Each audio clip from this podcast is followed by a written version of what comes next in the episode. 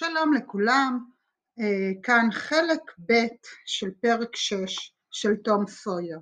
אנחנו במפגש של תום סויר ואקלברי פין, ותום ביקש מאקלברי מאק לבוא איתו אה, להרפתקה. לא חשבתי על זה, נכון, אתה מסכים שאני אבוא איתך? ברור, אם אתה לא פוחד. פוחד, ממש לא. אז תעשה לי מיהו? כן, ואתה תעשה לי מיהו חזרה, אם יצא לך. בפעם הקודמת לא ענית לי, והמשכתי לעשות מיהו עד שהייז הזקן התחיל לזרוק עליי אבנים ואמר, לעזאזל עם החתול הזה. אז זרקתי לבנה על החלון שלו, אבל אל תספר לאף אחד. אני לא מספר. בלילה ההוא לא יכולתי לעשות מיהו כי דודה שלי השגיחה עליי, אבל הפעם הזאת אני אעשה מיהו. תגיד, מה זה? סתם, קרצייה. איפה השגת אותה? ביער. מה אתה רוצה בשבילה? לא יודע, אני לא רוצה למכור אותה. טוב, בלא, אחי, זאתי קרצייה נורא קטנה. בטח, כל אחד יכול לזלזל בקרצ... בקרצייה שהיא לא שלו, אבל אני מרוצה ממנה. בשבילי זו קרצייה מספיק טובה. טוב, מה זה משנה? יש המון קרציות. הייתי יכול למצוא אלף קרציות אם הייתי רוצה. אז למה אתה לא מוצא? כי אתה יודע יפה מאוד שאתה לא יכול. זה קרצייה די מוקדמת, לדעתי, הראשונה שראיתי השנה. תשמע, אק, אני אתן לך את השן שלי בשבילה. תראה, תראה אותה. תום הוציא פיסת נייר, הוא פתח אותה בזהירות. האק סקר, סקר אותה בהרגה. הביטוי היה חזק, הפיתוי היה חזק מאוד. ולבסוף אמר, זה אמיתי. תום הרים את השפה העליונה והראה את המקום הריק. טוב, בסדר, אמר אקלברי, עשינו עסק. תום סגר את הקרצייה בקופסת הקליעים, שעד לפני זמן לא רב הייתה בית הכלא של החיפושית הצוותנית. הילדים נפרדו וכל אחד מהם הרגיש עשיר יותר. תום הגיע אל מבנה העץ הקטן והמבודד של בית הספר ונכנס בזריזות, כמו מישהו שעשה כמיטב יכולתו להגיע בשיא המהירות. הוא תלה את כובעו על הוו והתיישב במקומו בזריזות, כאילו היה להוט לגשת למלאכה. המורה שישב על כס מלכותו הרם בכורסת הנצרים הגדולה שלו, נמנם לכל הזמזום המרדים של הכיתה הלומדת. ההפרעה העירה אותו. תומאס סויר! תום ידע שכאשר קוראים לו בשמו המלא, צפויות לו צרות. כן המורה, בוא הנה. ובכן, אדוני הנכבד, למה שוב איחרת כמו תמיד? תום התכונן למצוא מפלט בשקר כלשהו, אבל פתאום ראה שתי צמות ארוכות של שיער צהוב משתלשלות על, על הגב, שזיהה אותו בזכות משיכתה החשמלית של האהבה.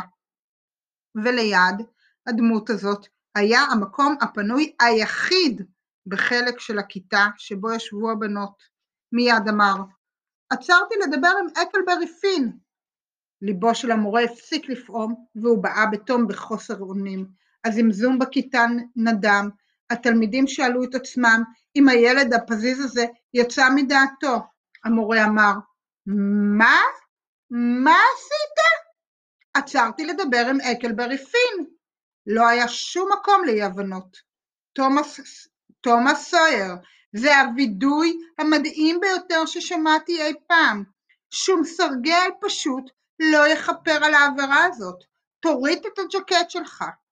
זרועו של המורה ביצע את המלאכה עד שהתעייפה ועד שמלאי הזרדים הידלדל במידה ניכרת, ואז נשמעה הפקודה. ועכשיו, אדוני, לך לשבת בצד של הבנות, זה ילמד אותך לקח. נראה שגלי הצחקוקים שנשמעו בחדר הביכו את הנער, אבל למעשה נבעה מבוכתו בעיקר מיראת הכבוד וההערצה שחש כלפי העלילה האלמונית שלו, ומן העונג המצמרר שחש לנוכח מזלו הטוב.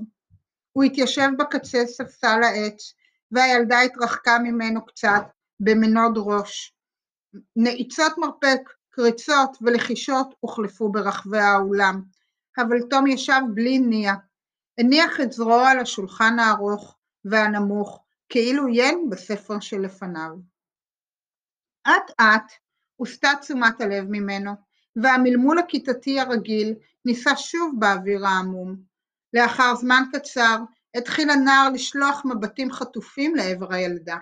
היא הבחינה בזה ועשתה לו פרצוף, והפנתה אליו את העורף למשך דקה. כשסובבה בזהירות את ראשה בחזרה, היה מונח לפניה אפרסק. היא עטפה אותו מעליה. תום הניח אותו שוב בעדינות, היא דחפה אותו שוב, אבל בפחות איבה. תום החזיר אותו בסבלנות למקומו, היא לא הזיזה את הפרי.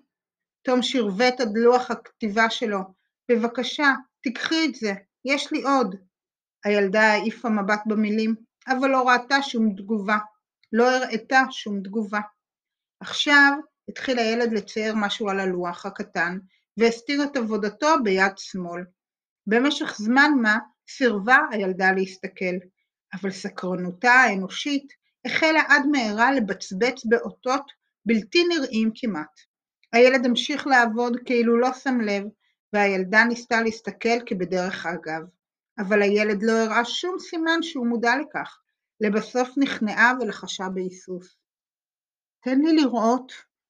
תום חשף חלק מקריקטורה פשטנית של בית גדול עם שני גמלונים, ועשן מסולסל כמו חולץ פקקים עולה מהערובה. התעניינותה של הילדה התמקדה יותר ויותר בציור, והיא שכחה כל דבר אחר. כשהמלאכה הסתיימה, הסתכלה רגע ולחשה.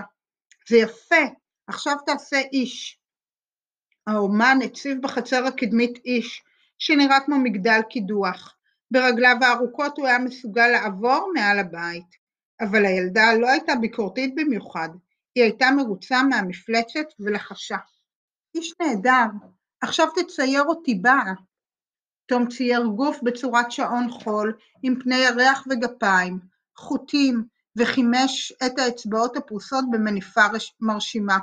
הילדה אמרה, איזה יופי, הלוואי שאני יודעת, הייתי יודעת לצייר.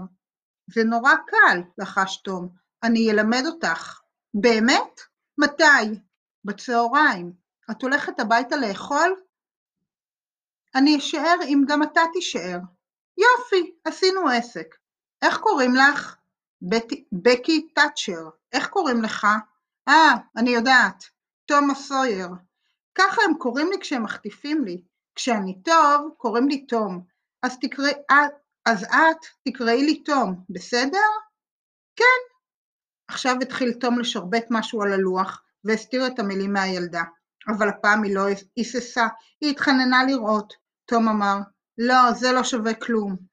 זה כן שווה. לא נכון, את לא באמת רוצה לראות. אני כן רוצה, אני, באמת שאני רוצה, בבקשה, תרשה לי. אבל אחר כך את תספרי. לא נכון, נשבעת, נשבעת, נשבעת, נשבעת שאני לא אספר. לא תספרי לאף אחד? אף פעם? כל החיים שלך? אני לא אספר לאף אחד. עכשיו תן לי לראות. לא, את לא באמת רוצה לראות את זה.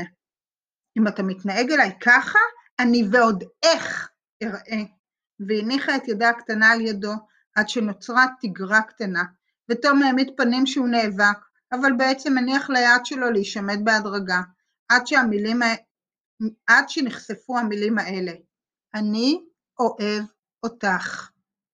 אוף, איזה רע אתה! היא חוותה על, על ידו בטפיחה מהירה, אבל הסמיקה ונראתה בכל זאת מרוצה.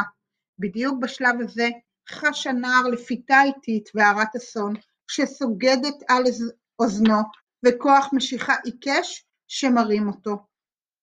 במלחציים האלה ניסה על פני הכיתה עד שהוטל במקום הישיבה שלו.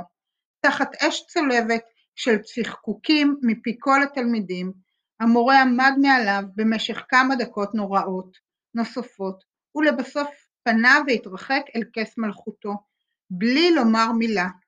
אבל למרות ההקצוצים באוזנו, היה ליבו של תום מלא שמחה.